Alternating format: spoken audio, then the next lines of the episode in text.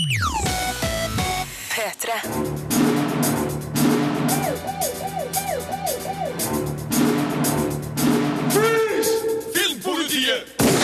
God fredag! Endelig er det helg. To hele fridager som du kan bruke på å kose deg med film, spill og TV-serier. Velkommen til Filmpolitiet. Jeg heter Marte og er klar for å gi deg en fullspekka sending med popkulturelt preik.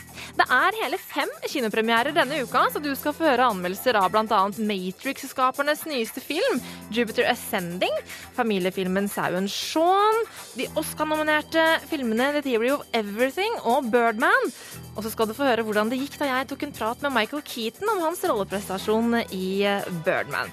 I tillegg så får du anmeldelse av eventyrspillet Life Is Strange og Sigurd Vik. Han kommer innom for å ta en prat om noen av TV-seriene som har premiere nå i februar. Filmpolitiet! Filmpolitiet anmelder film. Birdman er en av de aller største Oscar-favorittene i år. Filmen har hele ni nominasjoner, bl.a. for beste film. Og nå skal du få Birger Vestmo sin dom. How did we end up here? This place is horrible. Like. Med Birdman, The Unexpected Virtue of Ignorance, har regissør Alejandro González Inaritu skapt et svimlende mesterverk, breddfull av nerve, originalitet og skapertrang. Michael Keaton spiller sitt livs rolle med en figur som har noen klare paralleller til hans egen karriere. Han filmes av et kamera som fanger inn stemninga, følelser og nyanser med syngende virtuositet, av og til akkompagnert av jazztromma. Denne filmen er frijazz. Den puster og lever. Den er en av de her filmene som bare må eksistere. Birdman er en berusende, livsbejaende og eksepsjonell bragd. Star. Utgangspunktet er det her. Den gamle actionstjerna Riggan Thompson, spilt av Michael Keaton, forsøker å redde sin dalende karriere ved å sette opp et ambisiøst teaterstykke på Broadway i New York. Når en av hans skuespillere blir skada få dager før premieren, får Wiggen mot all odds tak i kritikeryndlingen Mike Shiner, spilt av Edvard Norton, som erstatter. Men Mike skal vise seg å være krevende å jobbe med, samtidig som Riggans egne demoner setter han på prøve. Face it, Dad. You're doing this because you're scared to death, like the rest of us, that you don't matter. And you know what? You're right. You don't. Historien fortelles på flere plan. Du har den håndfaste situasjonen på scenen og i kulissene, der Riggans interaksjon med skuespillere, stab og dattera Sam, spilt av Emma Stone, skildres som en vill runddans som er velkoreografert, men impulsiv og uforutsigbar på samme tid. Samtidig ser vi scener fra Riggans garderobe, der han kommuniserer med Birdman, heltefiguren som han hadde stor suksess med tidligere i karrieren. Birdman er styggen på ryggen, stemmen som forteller Riggan hvor verdiløs han er, og hvor katastrofalt hele teaterprosjektet kommer til å bli.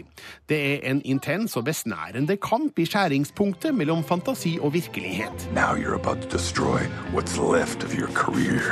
Alejandro González Inaritu veksler mellom filmens ulike figurer, situasjoner og stemninger med full kontroll over sine virkemidler. Fotograf Emanuel Lubeski danser rundt med sitt kamera både høyt og lavt i tilsynelatende endeløse tagninger, eksepsjonelt godt klippa sammen av Douglas Crice og Steven Mirione, som mystisk nok ikke er Oscar-nominert for det her. Og lydsporet med Antonio Sanchez sin jazztromming, blanda med klassiske toner fra Mahler, Ravel, Rakhmaninov og Tsjajkovskij, løfter historien til store høgder. Musikken gjør filmen sitrende, emosjonell og storslagen, samtidig som den er intim, reflekterende og innoverskuende. Michael Keaton spiller kraftfullt og nyansert, og gjør at Riggans kamp mot seg sjøl oppleves som nådeløs.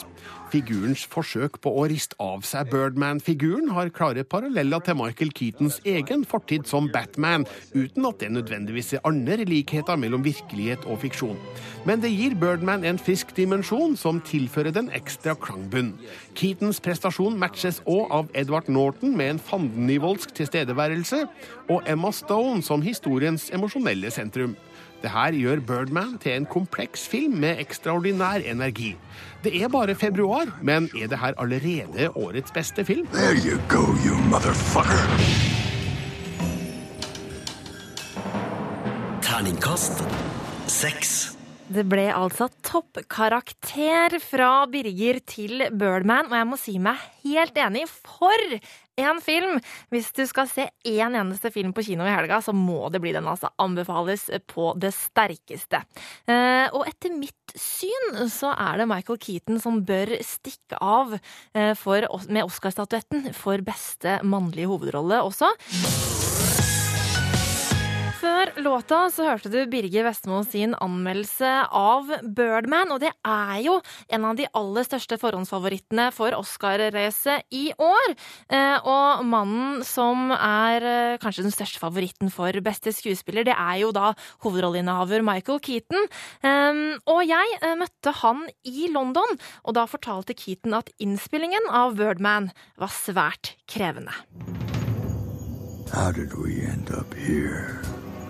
This place is horrible. Smells like balls. Michael Keaton er Oscar-nominert for beste mannlige skuespiller for sin rolle i Birdman. I filmen spiller han en avdanka actionstjerne som prøver å slå seg opp på Broadway. Og dermed er det naturlig å trekke paralleller til Keatons egen karriere som tidligere superhelt.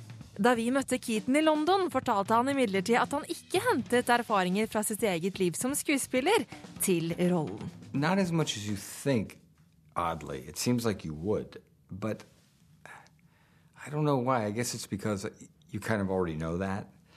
Uh, because a lot of the talk in the movie about uh, about that particular thing or the business, I don't do that necessarily. I, it's not something I talk about or think about a lot. Um, so it was kind of like playing. Uh, a uh, Saab mechanic, you know, you know, or a dentist, or a kind of the same thing. You know, I, I know that sounds weird, but in, in a weird way, it kind of made it easier. My father was a mean fucking drunk. You understand? Okay. He beat the shit out of us. I, I didn't know. I'm, I'm sorry. I'm sorry. That's that is that's fucking horrible, man. I'm sorry. It's also not true. See, I can pretend to. too. The deep emotional scenes sometimes jumps right into the comedy parts. Uh, how is that uh, uh, for you to like be really dark at one point and then uh, jump into the humor part of the story? Just the way I am every day of my life. so that's just normal for It's you. It's just normal for me. It's a normal day. That was, um, you think about it and you go, oh boy, how, how am I going to do that? You know? And you can only do, there's only so much you can do to prepare for that. It's one thing to say, oh, today I've got that scene where I'm very emotional. You can kind of pace yourself and work on it and then kind of take time to get there and then many, many, many takes to, to, to improve it. You don't have any of that in this movie. You better get it one time. This is my chance to finally do some work that actually means something. It means something to who? You had a career, Dad, before the third comic book movie. Before people started to forget who was inside that bird costume. Nobody gives a shit but you. Regissør Alejandro Iñárritu har valgt å filme scenene i Birdman i én tagning av gangen, og kameraet er nært på skuespillerne. Det syns Michael Keaton var utfordrende. Challenging because if you're going to make a movie that way, you have to be ultra prepared. And that meant uh, long periods of rehearsal uh, for a long time. Um, and uh, you had to be very precise about what you were doing. And, and you have to stay, you know, you've seen the movie, so you know what this, what my character goes through. He goes through so many, you know, emotions and so many, uh, uh, he goes, he spirals down, then he kind of comes up, then he goes over here, then he goes back down, then he soars literally, and then uh, um, to play that and be truthful about it is really exhausting. it's really kind of, uh, but but oddly satisfying. So even though you have to, you know, go through deep emotional scenes, I don't know. It's you know, you kind of get something out of your system. It's probably therapeutic, I guess. Ja, Å spille Birdman var som terapi for Michael Keaton, fortalte han da jeg møtte han i London. Og hvis du klikker deg inn på p3.no filmpolitiet, kan du se intervjuet med Michael Keaton der. Og der finner du selvfølgelig også Birger sin anmeldelse av Birdman. Filmpolitiet anmelder film. Og nå skal vi over til Oscar-film nummer to. Morning, Brian. Det er umulig å se The Theory of Everything uten å få sympati for Stephen og Jane Hawking, slik de blir gestalta av Eddie Redmayne og Felicity Jones. Det her er en sterk historie om kjærlighet satt på store prøver, og om et helt spesielt intellekt som må trosse en alvorlig sykdom for å oppfylle sitt potensial. Kanskje er det her en smule for pent og pyntelig skildra i en trygg og konservativ ramme. Men Eddie Redmaynes hovedrolle er innstudert, finstemt og godt spilt. Sjøl i filmens siste fase gjør han det lett å lese en figur uten vanlige muligheter til å uttrykke seg. My name is Stephen Hawking. It's American. Is that a problem? Stephen Hawking burde være kjent nok, men for sikkerhets skyld. Han er den britiske professoren som bl.a. er kjent for sine teorier om sorte hull og forsøk på å binde sammen relativitetsteorien og kvantefysikk, men òg for sitt liv i rullestol med en alvorlig muskelsykdom.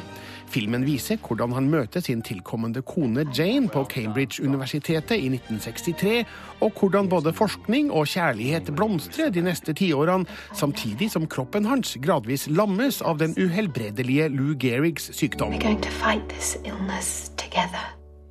Hawkings briljante hjerne demonstreres i flere sekvenser, men kun på et helt grunnleggende nivå. Her holder manuset seg til hovedlinja, ikke dyptgående detaljer. Regissør James Marsh og manusforfatter Anthony McCartan er mer interesserte i å skildre forholdet mellom Stephen og Jane, og hvordan sykdomsforløpet påvirker dem. Manuset er basert på Jane Hawkings egen bok, og viker unna privatlivets mest intime sfære. Også Janes gryende følelser for familiens gode hjelper, Jonathan Jones, fortelles med takt og tone, slik at ingen blir støtt. Det kan kanskje argumenteres at filmen har litt for stor respekt for sine fremdeles nålevende subjekter. Regissør James Marsh tar få sjanser her, og lar noen åpenbare, kontroversielle elementer fra virkeligheten være i fred. Det kan iblant virke som om historien fisker litt for åpenbart etter sympati og medfølelse, men den får det. The Theory of Everything er nemlig solid spilt og trygt regissert som en stor og brei dramafilm fra virkeligheten. Filmen er best i kontrastene mellom Stephen Hawkings store tankevirksomhet og de små øyeblikkene i privatlivet. It has been a great joy to watch this man defy every expectation. The Theory of Everything har tilsynelatende en del til felles med Morten Tyldums The Imitation Game. Begge er historiske filmer basert på virkelige hendelser i England. Begge handler om smarte mennesker med private problemer. Begge er trygge, polerte underholdningsfilmer mynta på et stort publikum. Og begge filmene fortjener langt på vei den suksessen de allerede har oppnådd. Sorry, did you say something?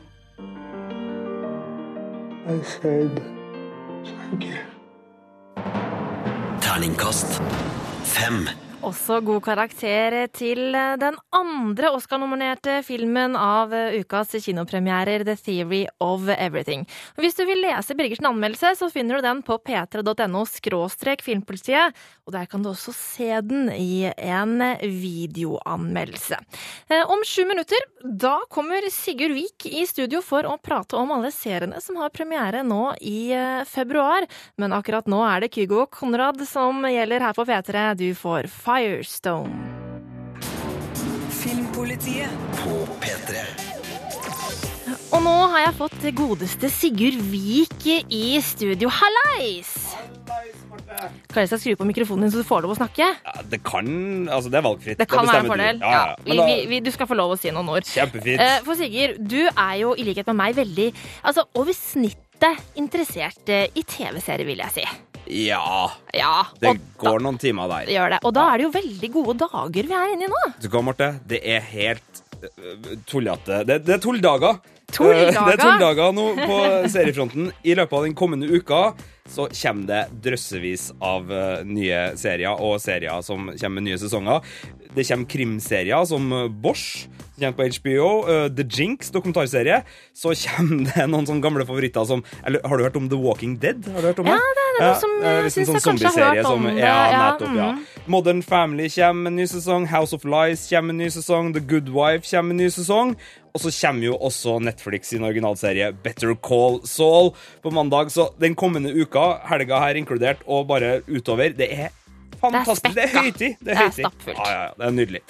Uh, og den som uh, jeg syns er verdt å merke seg først, det er faktisk en dokumentarserie som kommer på HBO, som heter The Jinx. Hmm. The downside of giving an interview is that the interviewer will, will take what I've said to make me look as bad as possible.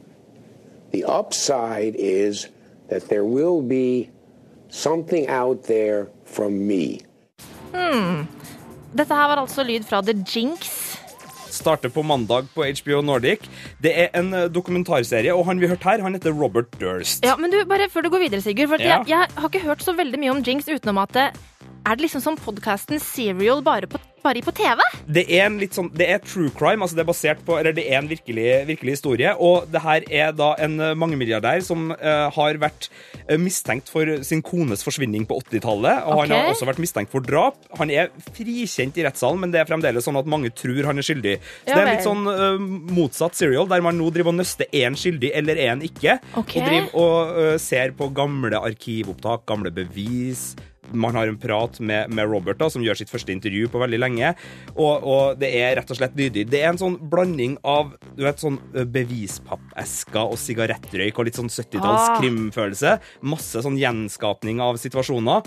Blanda med ø, dagens situasjon, hvor ø, fyrige pårørende er sint og snakker om ø, ja, han har gjort det, og han må ha gjort det, mens Robert sjøl sitter der da i en stol og mener sånn Nei, det gjorde jeg ikke. Jeg var hjemme høres- den dagen, og så gikk jeg til naboen min, og så var jeg Ja. Lange utredninger om det. Utredninger. Men det høres jo bra ut, eh, det her, Sigurd. Er det det? Det er eh, veldig bra, for de er så rikt. Altså, det er så mye som skjer. Du har liksom alt fra sånn gamle åstedsbilder og, og kassettopptak fra rettssalen til liksom sånn stilige, nesten sånn The Wire-aktige kjøringer gjennom gata. og Masse sånt fint. De som er glad i, i litt sånn stilisert dokumentarfilm, vil også finne veldig mye fint der med rolig musikk og litt sånn eh, rolige kamerakjøringer gjennom mørke gater. Det, det er masse flott. eh, og så er det jo en veldig spennende historie. Jeg har bare sett de to første episodene, men jeg er jo kjempespent på hvordan det her skal gå videre. Men er det noe som ikke funker, da? Eh, Det blir jo Problemet med at det er så mange stilarter, gjør jo at det kan bli litt rotete innimellom. Og så er den jo også litt sånn spekulativ, merker jeg. For den, den har liksom sånn ordentlige bevis fra politiet, sånn bilder av sånn var det. Og så gjenskaper de det nesten likedan og gjør litt sånn stilige visuelle ting rundt det. Og da er det jo litt sånn de, de, de lyger jo ikke, men de, de later jo som om det her er det som faktisk skjedde. Men det vet vi jo ikke, det er jo bare gjenskapning. Så det er litt sånn, litt sånn på kanten. ja. Men det er ikke like ille som da folk i Michael Moore sine filmer drev og skifta slips mellom hvert ord de sa, for at han har klippet dem så, så hardt sant. sammen. Så, så det, det kan være innafor, det her, altså. Fortsatt eh, høres det veldig bra ut, og dommen den blir Terningkast fem. Oi, oi, oi, ikke verst, ikke verst. Eh, men du, nå skal jeg fortelle litt om en serie som jeg har sett, som faktisk har premiere i dag. For eh, The Jinx, når var det den kom, sa du? Den kommer på mandag. Den kom på mandag, men hvis du har lyst til å kose deg med noe i helga, så kan jeg anbefale Modern Family. Ah, Ja, altså Den er jo nå inne i sin sjette sesong, men det er fortsatt like morsomt, altså. Fortsatt like morsomt som liksom den første sesongen, og det er ganske bra gjort, altså. De er jo tre familier i Modern Family, eh, og jeg har ikke sett så mye som du har. Jeg har bare sett til, til sånn fire, tror jeg. Men, men hvordan funker det? Er, er alle like morsomme fremdeles av disse familiene? Ja, jeg syns jo det, men jeg elsker jo Phil Dunphy, faren som eh, hele tiden prøver å være så innmari kul. Det er så vittig når han liksom eh, prøver å tøffe seg for barna og for kamera, og jeg syns det er veldig morsomt. eh, så jeg bare eh, triller terning, rett og slett, jeg, Sigurd. Kjør på, Marte. Terningkast fem. Og Sigurd, du er jo fortsatt her i studio.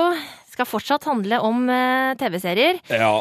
For det er så mye! Ja, og nå er jeg litt spent, for uh, du har fått en sniktitt som jeg er ganske sjalu på, for du har Ja. nemlig sett så vidt på Walking Dead, som Yes. begynner opp igjen på mandag. Ikke? Ja, den begynner på mandag. Det er da liksom sesongpremiere på andre halvdel av uh, sesong eh, fem. Hvordan er det, hvordan er det, hvordan er det, Marte? Si det, si det, si det! si det, Å, det. er så bra!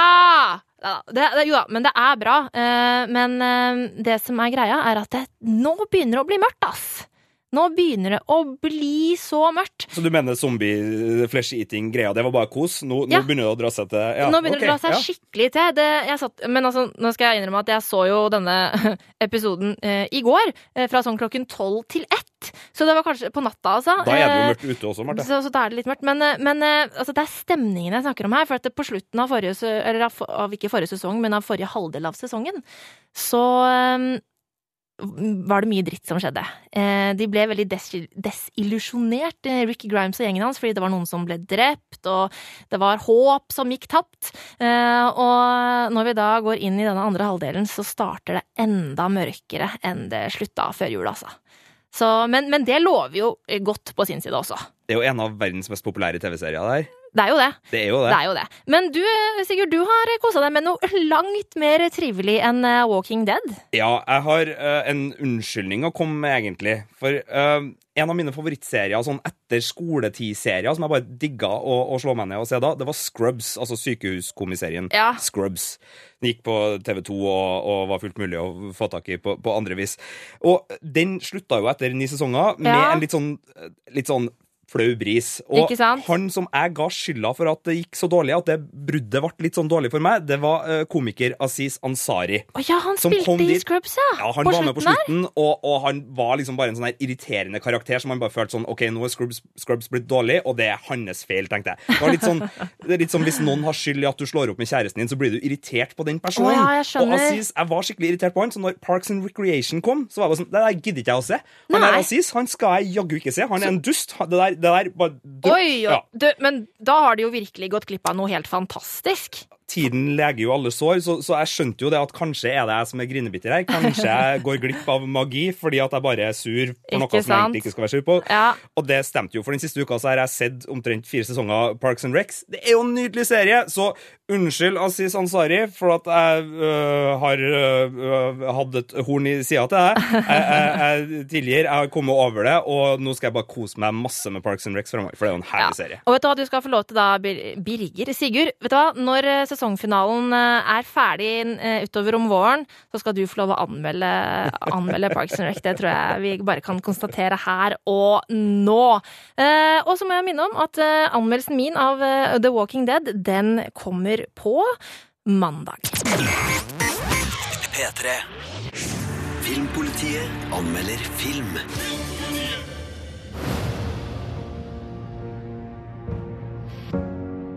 Planet was seeded by brass axe industries roughly 100,000 years ago. Jupiter Ascending kan minne om en slags Guardians of the Galaxy, bare uten alt som er gøy.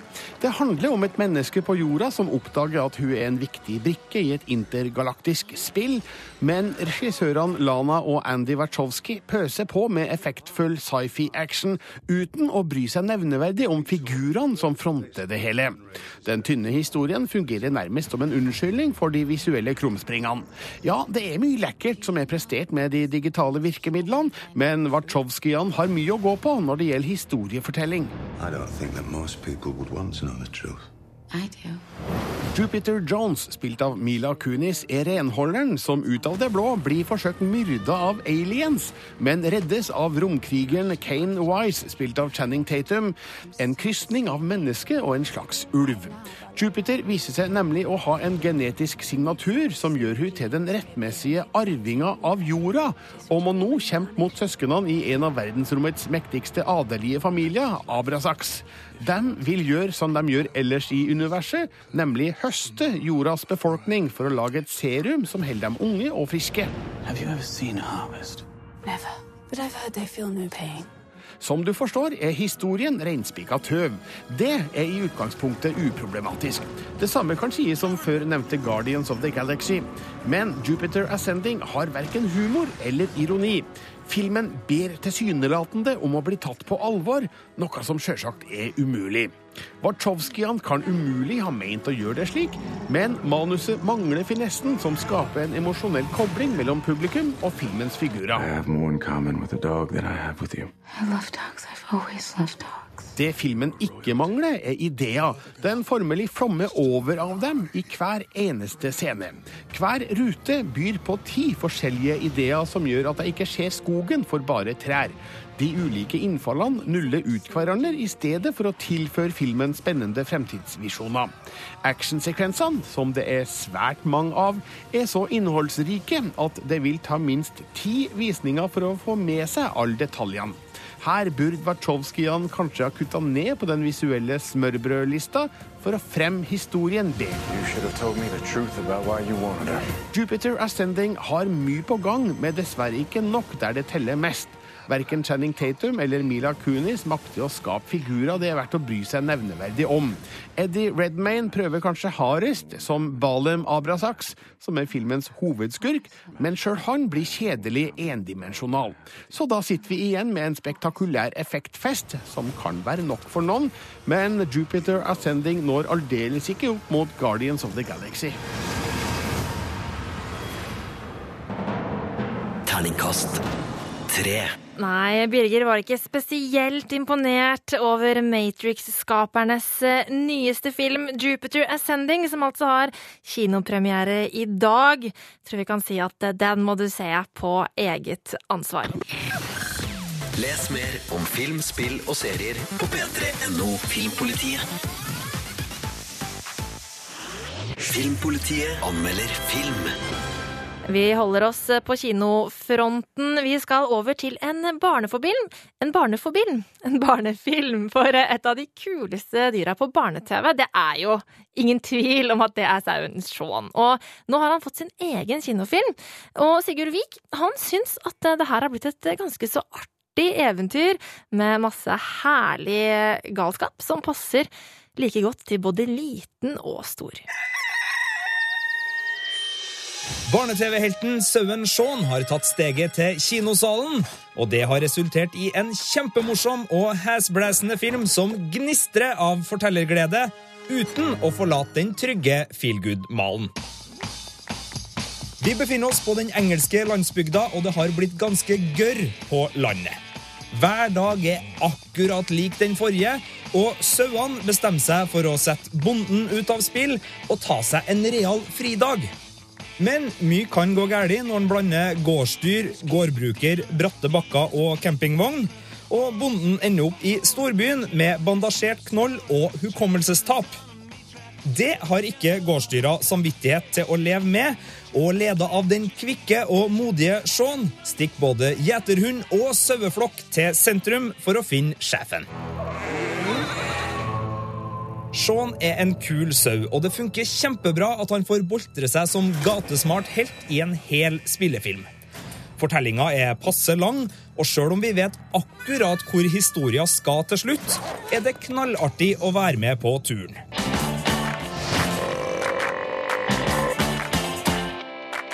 Likhet med barne-TV-serien er all kommunikasjon, både mellom dyr og mennesker, begrensa til lyder, gestikulering, mimikk og lett peking mot tekstplakater. Et uvanlig grep for en kinofilm, men jeg savner ikke dialogen et sekund. Det er utrolig hvor mye en får sagt med et velplassert hm og andre gode lydord. Sauen Shaun byr på en herlig blanding av satire, situasjonskomikk, slapstick og godt humør. Det gjør at det er masse å kose seg med, både for liten og for stor. Den er førskolevennlig, med tydelige figurer og masse hjertevarme, samtidig som den gir sofistikerte nikk til både filmelskere, gårdbrukere og SoMe-forstå-seg-på-ere. Alt fra enkel 'ha-ha, du fikk døra rett i ansiktet'-humor til en smattende katteversjon av Hannibal Lekter fra Nattsvermeren.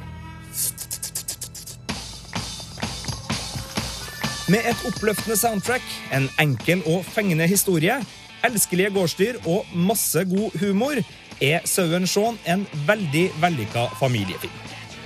Den makter også å lage en ny vri ut av ordtaket 'borte bra, hjemme best'. Og den klarer å fortelle en hel del om oss mennesker uten at noen sier et kløyva ord. Terningkast fem.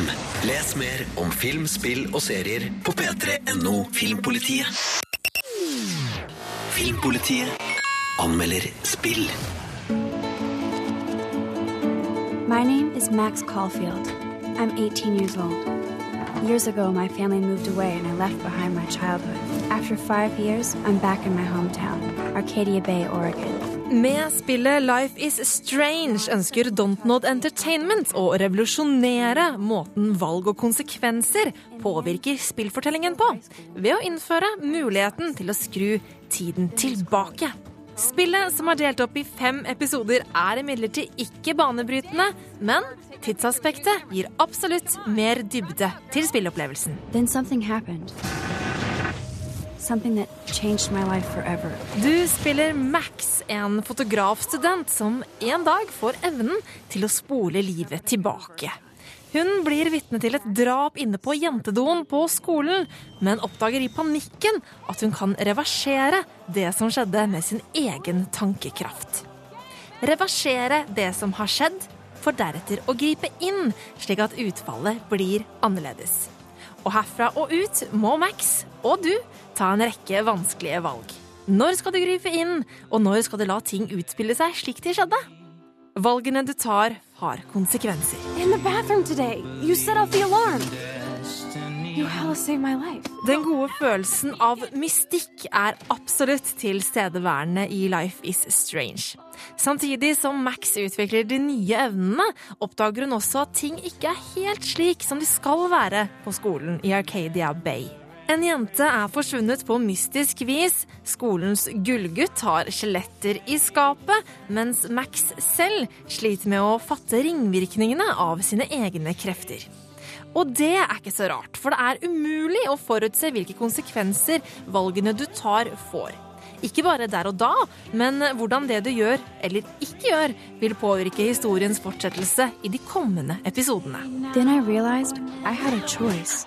Hey, you okay? And the power to change everything. Denne første episoden har en spilletid på omtrent to til to og en halv time.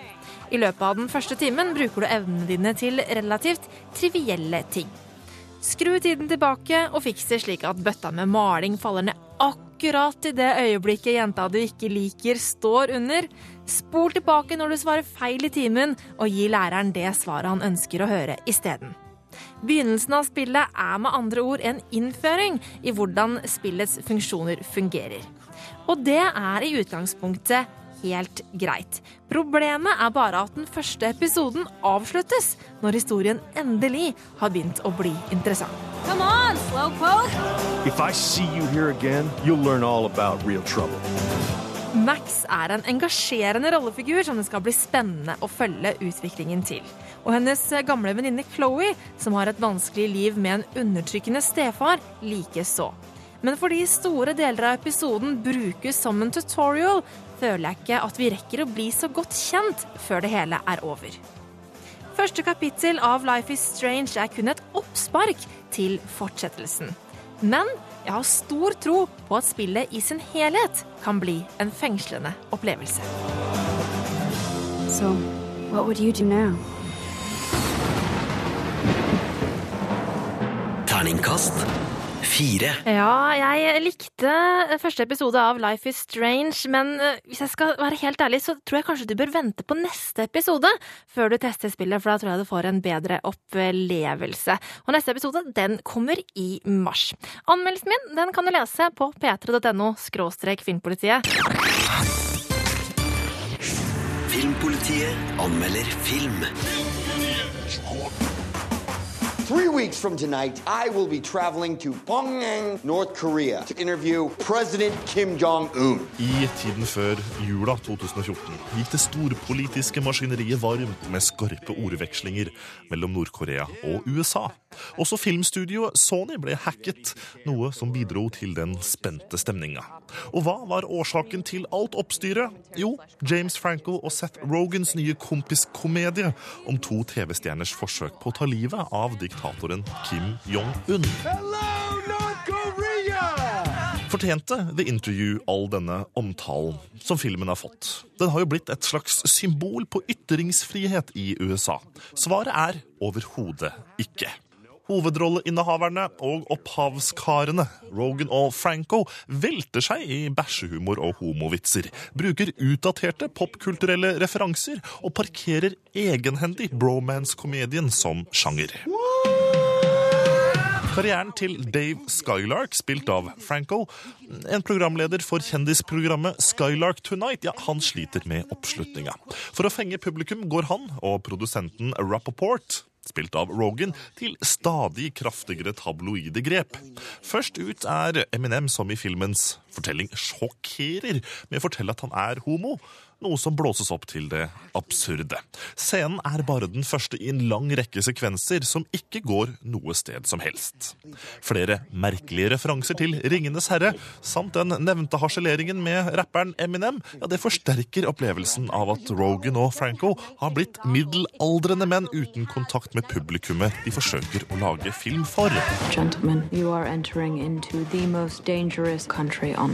Kvinnene, Lizzie Kaplan i rollen som CIA-agent som ber de to om å snikmyrde Jong-un, og Diana Bang i rollen som deres nordkoreanske barnevakt. Ja, disse kvinnene får ikke tildelt noen funksjon utover å være passive mottakere for en lang rekke slibrige kommentarer. Very deep. Very deep. Yes, she has quite a hearty moose knuckle. Reisen til Kina og videre til Nord-Korea, ja, det er godt filmet.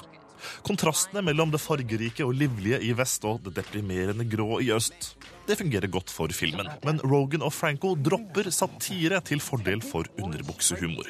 Stort sett hele filmen foregår i tillegg til dette i Kim Jong-un sitt palass. Dermed griper aldri filmen an den fremstillingen av landet Nord-Korea som vi får servert gjennom nyheter og bildereportasjer.